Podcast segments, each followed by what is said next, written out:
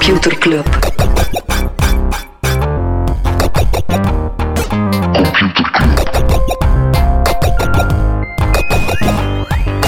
Computer Club. Hey Smolly, Hey Freddy, welkom, welkom terug. welkom. Welkom bij Computer Club, een wekelijkse podcast over technologie. Iedere aflevering selecteren Frederik en ik een interessant artikel en presenteren we een feitje. Ja, en voor wie graag muziek afwisselt met Smolly zijn zoetgevoisde klanken, eh, we zijn vanaf nu ook beschikbaar op Spotify. Dus voilà, we staan klaar om eh, volledig door te breken bij een eh, gigantisch publiek. En vanaf deze week hebben we ook een nieuwe rubriek, namelijk waarover gaan we het niet hebben? Omdat er gewoon zeer veel technisch was deze week. Smolly, waarover gaan we het deze week niet hebben? Over Google Plus, wijlen Google Plus. Deze week is de stekker eruit getrokken door Google. Eigenlijk tussen de soep en patat hebben zij een blogpost aangekondigd dat het eh, sociale medium dood wordt Ja, al die herinnering die ik nu verlies. Alle tweede post die ik er per ongeluk ooit heb opgepost. Ja, wat was een vrij triestige statistiek, hè? Ja, een van de dingen die ze in een blogpost hebben vermeld tijdens het aankondigen van eh, het vertrek van, Spot, van Google Plus, liever, was dat eh 90% van de bezoeken uit minder dan 5 seconden bestond. Ja, dus dus dat echt mensen die per ongeluk, per op ongeluk eh. Of te veel gedronken hadden, ja. Ja. Oké, waarover gaan we het nog niet hebben, eh, Smolly? Over Facebook Portal, de camera die Facebook heeft aangekondigd, De camera die Facebook heeft aangekondigd voor waar? om het thuis in je slaapkamer te zetten voor wie echt per se zou willen dat Mark Zuckerberg hem een goede nacht wenst. Ja, dat is echt eh, perfecte timing. Hadden ze blijkbaar al klaar, die slimme luidspreker met scherm en camera op eh, Facebook F8. Dat bleek toen niet het goede moment te zijn door de hele privacycrisis met eh, Cambridge Analytica. Ehm, ik vraag me af of dat dit nu toch een betere timing is. Ja, een beetje naïef. Ik stel voor dat we over die onderwerpen gewoon verder discussiëren in onze Facebookgroep van Computer Club. Ja, daar gaan we het onder andere ook hebben over het, het eh, noodreddingsplan van Snapchat. Even Spiegel die toelicht hoe hij het bedrijf wil redden. Maar daar gaan we het over hebben in onze clubhuis op Facebook. Yes, Waarover gaan we het dan wel hebben, Smolly? over Tencent Music. Ik weet niet of je Tencent Music kent. Dat is een eh, Chinese Spotify, zou Ik het ken noemen. Tencent en ik ken Music. Ik hoop dat je Music inderdaad kent, maar Tencent Music kan je de Chinese Spotify noemen. En die willen naar de beurs in Amerika. En, ja, Tencent Music is eigenlijk in 2016 ontstaan na een eh, samenvoeging van de muziekafdeling van Tencent, Chinese Google, eigenlijk een groot conglomeraat die verschillende diensten aanbiedt. Eh, die is in 2016 gemerged met een andere platform. Die heet de eh, China Music Corporation, een fantastische naam natuurlijk. En daaruit is een gigantisch platform ontstaan dat eh, samen zou je dat de Chinese Spotify kunnen noemen. Vier En- applicaties die 800 miljoen gebruikers hebben. En is dat dan echt zoals Spotify, maar dan met heel veel Chinese muziek? Ja, zo ziet het inderdaad wel uit als je het downloadt. Ehm, is het is fascinerend om te doen. Een heel ander soort artiesten uiteraard dan bij ons. Maar het grote verschil is, ze hebben misschien wel 800 miljoen gebruikers, maar er zijn heel weinig mensen maar die betalen. Het is niet zoals bij Spotify dat je een soort premium account hebt om alle muziek te kunnen beluisteren. Oké, maar wacht. In China is muziek gratis dan? Een soort eh, democratisch basisrecht. Ja, ja en nee, er is gewoon heel veel piraterij. Dat is een van de redenen. hè. Muziek is, eh, zou je niet kunnen als unique selling proposition hebben. Daarnaast zijn mensen het gewoon nog niet betaald, eh, gewend om te betalen online. En de derde eh, stap is, er is een grote kloof tussen arm en rijk, waardoor dat wel moeilijk is om te bepalen hoeveel vraag je voor zo'n premium subscription. Oké, maar dan Tencent Music gaat naar de beurs. Ja, ze hebben geen, 1 enkele, miljard ze, hebben geen betalende, ze hebben geen betalende klanten. Dus dat wordt een, een waanzinnige beursintroductie. Oh, nee, er is, is, is anders. Tencent is een bedrijf dat we zouden moeten kunnen kennen van Fortnite en van een heleboel andere gamespellen. En het is een beetje dezelfde strategie die ze toepassen op Tencent Music. Een heel klein deel van de gebruikers betaalt voor, voor bepaalde functies die ze kunnen doen eh, als ze betalen. Een beetje zoals dat bij mobile gaming dus inderdaad eh, kan, kan doen. En een van die dingen is, als jij karaoke doet, karaoke is hyper populair op Tencent Music, als jij karaoke doet met een vriend en je vindt dat die vriend nadien goed gezongen heeft, kan jij hem een klein bedrag betalen.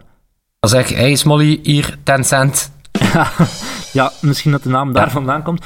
Maar inderdaad, je, dat is een beetje... Ik weet niet of je het principe van de rode envelopjes kent, met Chinees nieuwjaar. Eh, ik, is, dat, is dat zo geen wedstrijd of zo, dat je, dat je kan geld Oh, nee, dat is winnen? een beetje zoals bij ons met nieuwjaar je kleine eh 10 euro in een envelop geeft. Doen de Chinezen dat ook met Chinees nieuwjaar, maar echt massaal veel. Dus die geven eh, virtueel dan echt geld als cadeau aan een ander. En op WeChat wordt dat enorm veel gedaan tegenwoordig. Vroeger was dat analoog, je gaf je een, rode envelop met wat geld in tijdens nieuwjaar.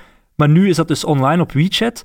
En 980 miljoen uh, gebruikers van die WeChat die gebruiken dat om tijdens Chinees nieuwjaar elkaar een paar euro, maar dan Chinees geld natuurlijk, te geven. En zo maakt Tencent daar een miljarden business van. Oh, het, klikt, het klikt bij mij nu al in elkaar. Het moment dat je inderdaad over WeChat begint, dat is ja, wellicht het grootste platform van mhm. Tencent. Ja. Um, die zijn ook begonnen, eh, intussen wordt dat gebruikt voor letterlijk alles. Uh, betalen, shoppen, mm uh, met de overheid afspreken, een afspraak boeken bij de dokter. Uh, maar is eigenlijk ook, ook, gewoon begonnen als een uh, gewone chat. En daar zijn ze begonnen met uh, stickers verkopen. Ja. En van die onnozele stickers om naar elkaar te sturen, dat was dan een beetje het, de manier om geld te verdienen. En op die manier hadden ze eigenlijk mensen een betaalinfo en konden ze eigenlijk ook gewoon naar handelaars gaan en zeggen van kijk, we hebben hier een gigantisch bestand aan, aan creditcards. vanaf nu kan je daar ook gebruik van maken. Dus die Tencent Music betalen voor elkaars karaoke skills. Ja, dat is dan eigenlijk gewoon een opstapje om dan misschien later ja, ja, en in vergelijking met Spotify hebben zij die sociale functie van het platform veel meer uitgebouwd. Je kan met artiesten in interactie gaan. Je kan inderdaad stickers of live chats aanvragen met bepaalde artiesten. Dat is bij Spotify nog niet het geval. Dat is echt nog gewoon puur een platenwinkel die online is gesmeten. Je kan hoogstens wat, wat vrienden uh, hun afspeellijst gaan volgen. Ja, het is, en, en, zelf, en zelf dat, als dat gaat over Spotify, dat is ben een grote Spotify-fan. Ik ben uh, met name enorm fan van Spotify Discover Weekly. Um, waar dat ik minder fan van ben, is de UX van de, van de Spotify-apps. Uh, dat is een heel chaotische interface, vind ik soms. Mm-hmm. En je kan effectief naar elkaars afspeellijsten luisteren. Ik heb ooit bepaalde vrienden... Uh, Robin bijvoorbeeld, heel goede muzieksmaak. Dus ik ga wel eens gaan snuisteren in zijn Discover Weekly maar ik passeer ongeveer 79 eh, schermen eer dat ik op dat scherm uitkom. Ja, dus alsof dus dat... die sociale laag uh, net niet willen of zo. Ja, maar bij Tencent werkt het dus gigantisch hard. Hè. Daar heb je in de, de filing, als je naar de beurs wil gaan, moet je een, een groot lijvig dossier neerleggen met informatie over je bedrijf. En daarin staat dat 70% van de omzet van Tencent Music komt uit uh, eh, 4,2% van de gebruikers, die elkaar massaal van die virtuele cadeautjes geeft. En in vergelijking met Spotify is Tencent een redelijk winstgevend bedrijf. Eh, de eerste helft van dit jaar konden ze al 263 miljoen dollar winst in de boeken schrijven. Smolly, ik hoor je zeggen miljoen, ik hoor je zeggen financieel succesvol. Je hebt nog gewerkt bij een financiële krant. Um, hoe zit het eigenlijk met Spotify na hun uh, beursgang? Minder goed. Ik ken geen concrete cijfers. Uh, ik kan even, er even bijhalen. Spotify stock, hoe, hoe dat uh, is geëvolueerd. Ja, zal ik er tussen een, een wachtmuziekje ja. neerien of zo? Um... Je hebt hier gevonden, jong. Ah, uh, dank u. Ik ging het bijna moeten doen. Ze zijn met 24% gestegen. Dat is niet mis. Dat is zeker niet mis. Maar het zal, uh, ik weet niet hoe dat jij het in de toekomst evolueren. Maar ik weet dat ze bijvoorbeeld wel de hete adem voelen van uh, Apple Music. Ja, absoluut. Apple was een, was een stukje late to the game, waren eigenlijk hun tijd vooruit. Ze hebben eigenlijk de digitale muziekmarkt getrokken met de iTunes Store. Maar ze hebben eigenlijk heel lang gewacht met streaming. Hebben ze dan uiteindelijk Apple Music geïntroduceerd. Um, Blijkbaar heeft Spotify 81 miljoen betalende uh, gebruikers. Uh, Apple Music heeft er maar 40. Ja, maar dus veel sneller dan die 40 is Veel sneller en die ja. groeien inderdaad uh, aan 5%, dus 5% groei per maand. Ja. en Spotify is op dit moment een beetje aan het plafonneren. Die groeien nog slechts 2%. Oké, maar Spotify heeft ook een link met Tencent Music. Dat is grappig dat je... Ja, dat is grappig. Dat is gewoon logisch dat we die aanhalen. Uh, ja, dat is niet zo grappig. Dat is zelf niet toevallig. Dat is eigenlijk nee. volledig voorbereid, Smolly. Die twee... Uh, Spotify heeft gezegd, kijk, we gaan niet naar China uitbreiden. En Tencent Music heeft gezegd, we gaan in ruil ook gewoon uit jullie markt blijven. En we gaan in elkaar uh, een aandelen swap, noemt dat dan. ik denk dat Spotify 9% van Tencent Music bezit. En omgekeerd hebben ze ook... hebben de Chinezen ook wat van Spotify. Ja, nu als het... Um er wordt soms wel eens de vergelijking gemaakt tussen Spotify en Netflix, ja, omdat ze toch beiden eh, streaming-giganten zijn binnen hun domein en, mm -hmm. en ook een stukje de, de, ja, op de troon zitten, zeg maar. Eh, maar het is wel een volledig ander verhaal, hoor. Omdat, um, ja, Netflix is steeds vaker aan het evolueren richting eigen producties ze hebben in der tijd uh, hadden ze die films en tv-series nodig om uh, in, in, in, users te groeien. Mm -hmm. Nu dat ze eigenlijk op die catalogus zitten en eigen producties doen, staan ze eigenlijk voortdurend steller, sterker in onderhandelingsposities tegenover de klassieke spelers, zeg maar. Maar voor Spotify ligt dat een pak moeilijker. Ja, Spotify heeft een, uh, ja, het is een moeilijk huwelijk met die muzieklabels. En um, ook wel een andere... Bij een tv-zender is het normaal dat je als tv-zender gewoon een zak geld neerlegt en dat er dan een creatief team iets maakt. Bij een platenlabel is het nog vaak komt het meer bottom-up. De artiest die zegt, ik heb een plaat gemaakt, wil je die uitbrengen? Het is niet zo dat een plaatlabel een zak geld neerlegt een creatief team samenstelt en, En zegt- er een artiest op zet en zegt, maak een nieuwe plaat voor mij. Zo, wij denken dat de wereld zit te wachten op 80s synthpop met IJslandse invloeden, zongen in, het, eh, in een soort walvisstaaltje of zo. Ja, perfect. Moet Spotify luisteren, maak die plaat Ja. Netflix zou, moesten ze weten dat daar eh, vraag naar is. eh, Dan maken ze dat gewoon, De serie, de serie bestond al. Wat ook een verschil is tussen, tussen de beide, is dat je, als je een tv-serie de licentie daarop koopt, ja, dan koop je die gewoon, nee, dan, dan verkoop je die licentie en kan Netflix die meteen naar zijn miljoenen gebruikers wereldwijd gaan brengen. Terwijl bij Spotify, ja, dan verkoop je royalties op een nummer, dus dan moet je ook nog eens betalen, eh, naarmate dat het meer afgespeeld wordt. Maar daar krijgt Spotify wel kritiek, omdat het eigenlijk niet zo eerlijk is naar kleine muzikanten toe. Wist je dat? Nee? Wel, eh, wat blijkbaar gebeurt is, stel, eh, Smolly, dat jij non-stop naar IJslandse elfenmuziek luistert. Doe ik toevallig wel. Wel, dus inderdaad opnieuw niet toevallig. Ik weet dat je daar eh, enorm mee dweept. Maar dus je luistert non-stop naar die ene obscure IJslandse elfenband. Eh, zij, krijgen daar niet, zij krijgen dan niet 100% van jouw abonnementsgeld. Eh, wat gebeurt er? Al het geld van abonnees gaat in één grote pot. En dat wordt dan pro rata verdeeld over alle nummers die gestreamd worden. Dus in realiteit, Molly, maak je eigenlijk gewoon Rihanna rijker. Of slons die van ons. Oh ja, dus Rihanna, Slons, eh, tijd om, eh, om een mainman Molly is, eh, is te bedanken, denk ik dan. Dus dat moest je luisteren, Diana. Graag Ja. gedaan. Trouwens, ook nog cool, was ook recent in het nieuws, over streaming gesproken. Meer en meer games worden ook gestreamd. Microsoft is bijvoorbeeld met project xCloud gekomen, wat dan eigenlijk betekent dat je Xbox games kan gaan streamen. Dus dat je, eh, als ik het goed begrijp, download je dan het spel niet, maar speel je het gewoon... Ja, dat betekent dat je eigenlijk zelf geen console nodig hebt, maar dat je die gewoon, ja, die berekeningen gebeuren. Dus eigenlijk staat er dan een soort serverpark vol met Xboxen te draaien en jij krijgt gewoon de game op je tv-scherm. Een beetje zoals dat je vroeger spelen.nl had en daar aan spelletjes kon spelen. Spelen.nl, dacht het wel. Ik, ik hoor dat jij een feitje mee hebt. Ik eh, hoop dat jij ook iets mee hebt. Een jingle, hier komt die. Computerklas. Ja, Smolly, ik heb hier een volstrekt zinloos weetje mee. Volstrekt zinloos. Ben benieuwd. Weet je wat een GPU is, Smolly?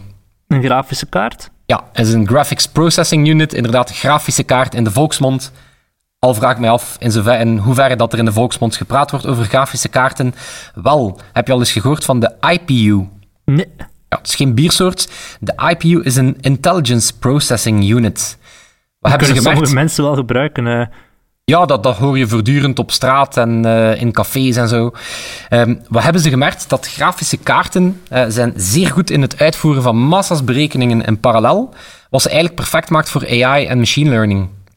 Is al een tijd geweten. Nvidia bijvoorbeeld was ja, en is nog steeds heel bekend voor hun eh, gaming grafische kaarten, maar intussen zijn dat ook wereldspelers als het gaat over eh, chips die op, geoptimaliseerd zijn voor eh, artificiële intelligentie. Wel, die chips worden nu ook specifiek getweakt om nog beter te zijn om al dat soort AI-modellen te draaien. Ah, cool. Ja, je hebt bijvoorbeeld de TPU. Ja, ik ga hier smijten met afkortingen. Hè.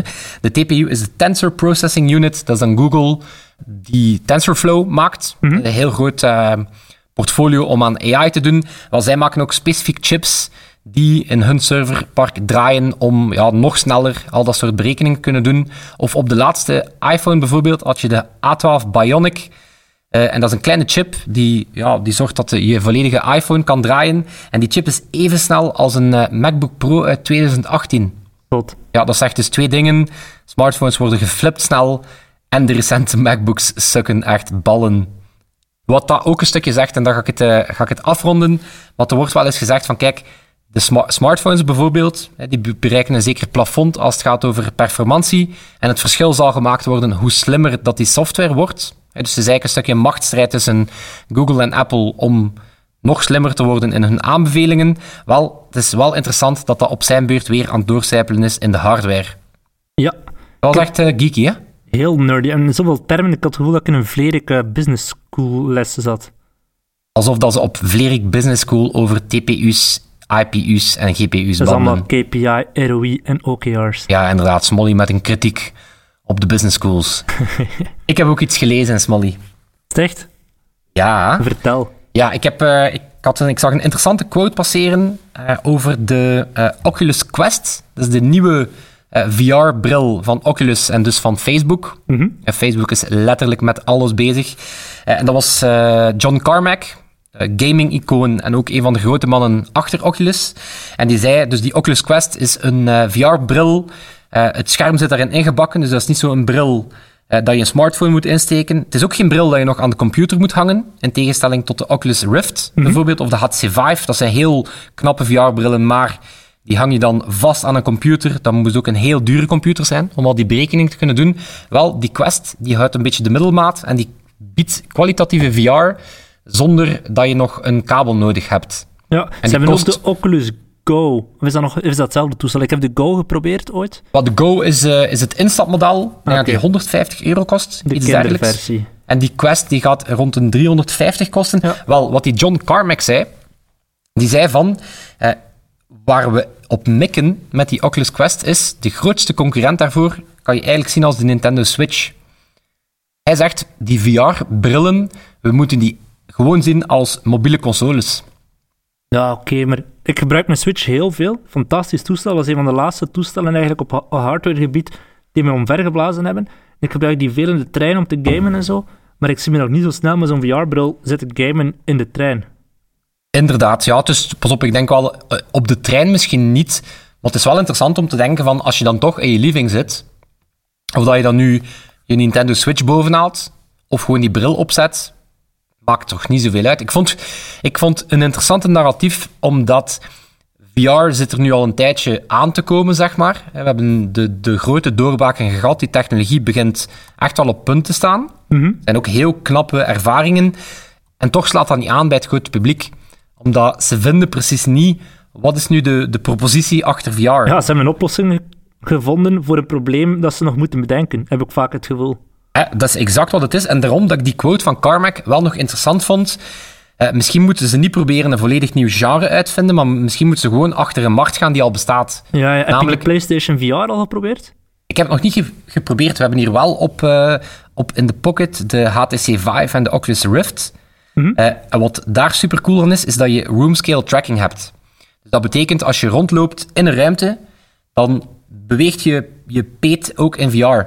En wat daar echt coole games zijn, bijvoorbeeld, ken je Fruit Ninja? Ja. Wel, ik kan je zeggen, Fruit Ninja in VR is super intens. ja. Totdat er een collega een kiwi tegen je hoofd smijt terwijl je die bril aan hebt. Doen mensen dat? Ik zou dat doen, moest ik... eh, Ik was aan het denken totdat ik dan uiteindelijk gewoon met mijn eh, fictioneel ninja zwaard eh, Smolly in zijn... Crocodizen snij. ja, ja, inderdaad. Of een supercoole game. echt een aanrader aan iedereen die hem ooit kan spelen. Bestaat ook op PlayStation VR. Superhot. Ken ik En niet. wat is er cool aan Superhot is... De tijd staat stil als jij stilstaat. Dus je komt dan... de game begint, Oh, ja. je staat in een café, je staat stil... En dan zie je plotseling een bad guy de deur instormen... En dan moet jij gewoon, het moment dat jij beweegt, beweegt die man ook. Dus dan moet je gewoon denken, oké, ik zie hier een geweer, ik zie hier een asbak. Ik ga eerst die asbak in zijn gezicht smijten, dan neem ik dat geweer, dan knal ik die man achter hem neer. Dus het is eigenlijk het dichtste dat je ooit gaat komen bij De de Matrix. Matrix. Het is echt letterlijk de Matrix. Het is wel echt een coole ervaring. Het enige probleem, en dat hoor je ook met VR, er zijn bijvoorbeeld van die VR-arcades. Het zou wel eens kunnen dat het grote publiek met virtual reality in aanraking komt door terug naar van die arcades te gaan. Nou, in Antwerpen heb je de Play van Telenet. Ja, Telenet is inderdaad in geïnvesteerd. Het zou me niet verwonderen moest Proximus, hè, die nu op e-sports aan het gaan is, ook snel volgen. Het enige probleem dat je daaraan hoort is, mensen vinden dat leuk voor één keer en dan stoppen ze er gewoon mee. Hè, dus het, het, de nieuwigheid ervan gaat snel weer liggen, het enthousiasme ja, gaat snel weer, eh, verdwijnt snel weer. Dus ja, het is, ik vind het een heel interessant ding, omdat het... Ja, VR is al zo lang een droom. Dat is al decennia lang dat er mensen hun tanden zetten in die, eh, in die uitdaging.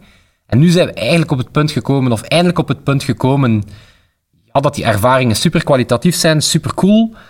Maar toch, ja, het grote publiek loopt, eh, loopt geen storm. eh. Nee, terwijl voor mixed reality zie ik dan wel weer heel veel potentieel. Heb je die dingen al geprobeerd? De Magic Leap? Ja, we hebben die, die Magic Leap hier vorige week ontvangen, denk ik. Ja. Onze vrienden van Showpad hadden die eh, in de State gekocht voor ons en eh, opgestuurd. Wat vond je ervan, Smolly?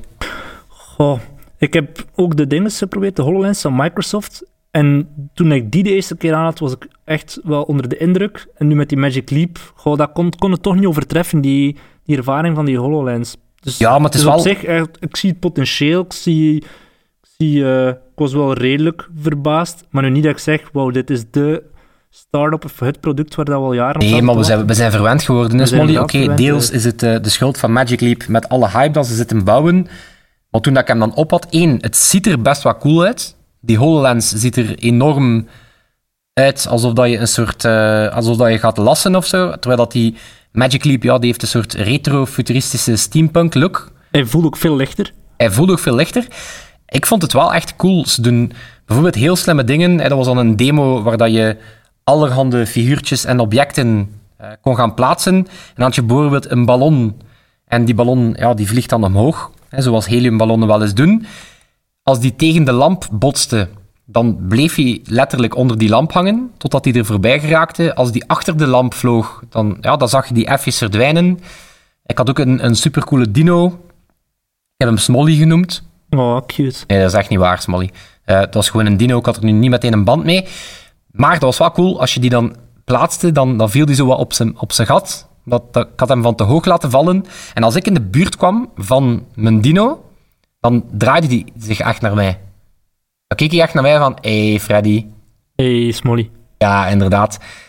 Ik vind, ik vind het interessant. Het is, is inderdaad zot. 2015, dat was dan het jaartje nadat eh, Facebook Oculus gekocht had voor een verpletterende 2 miljard op dat moment. Hè, dat is veel geld, want op dat moment praatte niemand over VR. Eh, terwijl als je het nu bekijkt, heeft Facebook daar opnieuw een badje gedaan.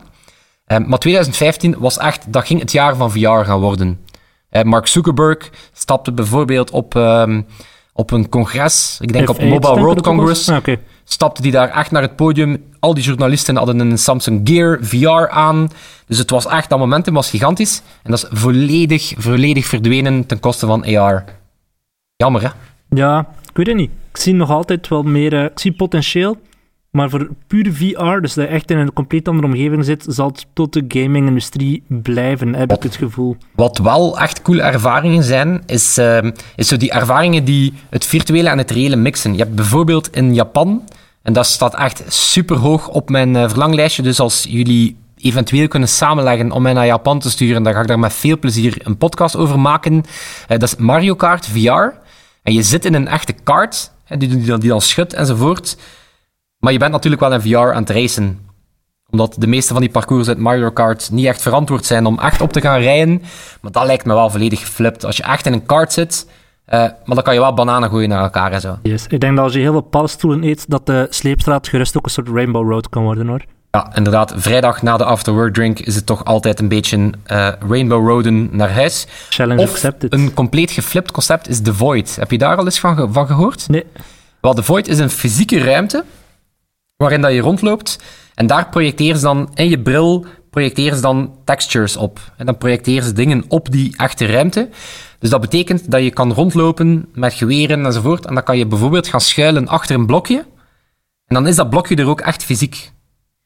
Snap je het nog? Want Ja, ik ben hier vele werelden en realiteiten door elkaar aan het halen.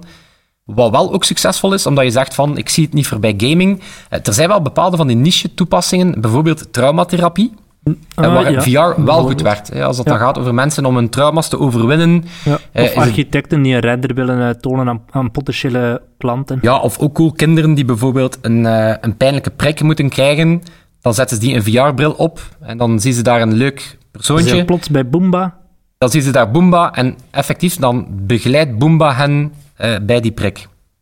Zalig. Ik wil ook een eh, Boomba bij mijn prik. Ja, of we kunnen dat gewoon eens doen om te zorgen dat kinderen een negatieve associatie krijgen met Boomba. En dan is dat ook voorbij, die waanzin. Heeft jou, jouw baby Boomba al ontdekt? Nee, nee, nee. Niet doen. Ze heeft vanmorgen de krant opgegeten, dat is al stap 1. Oeh, het is echt, eh, echt haar papa. Helemaal. Oké, Smolly, dan denk ik dat we, het, eh, dat we ook weer flink wat besproken hebben deze week. Van rode envelopjes naar Boomba die je prikje komt geven, gekker wordt het niet. Ja, met dan blauwe pillen nemen en in de Matrix Fruit Ninja spelen. Dus dat. De rest was nog één iets, en dat is Sebastiaan bedanken voor de mixing. Ik merci Sebastiaan. En jullie bedankt om te luisteren. En dan zal het zijn tot volgende week. Tot volgende week. Yo! Computer Club.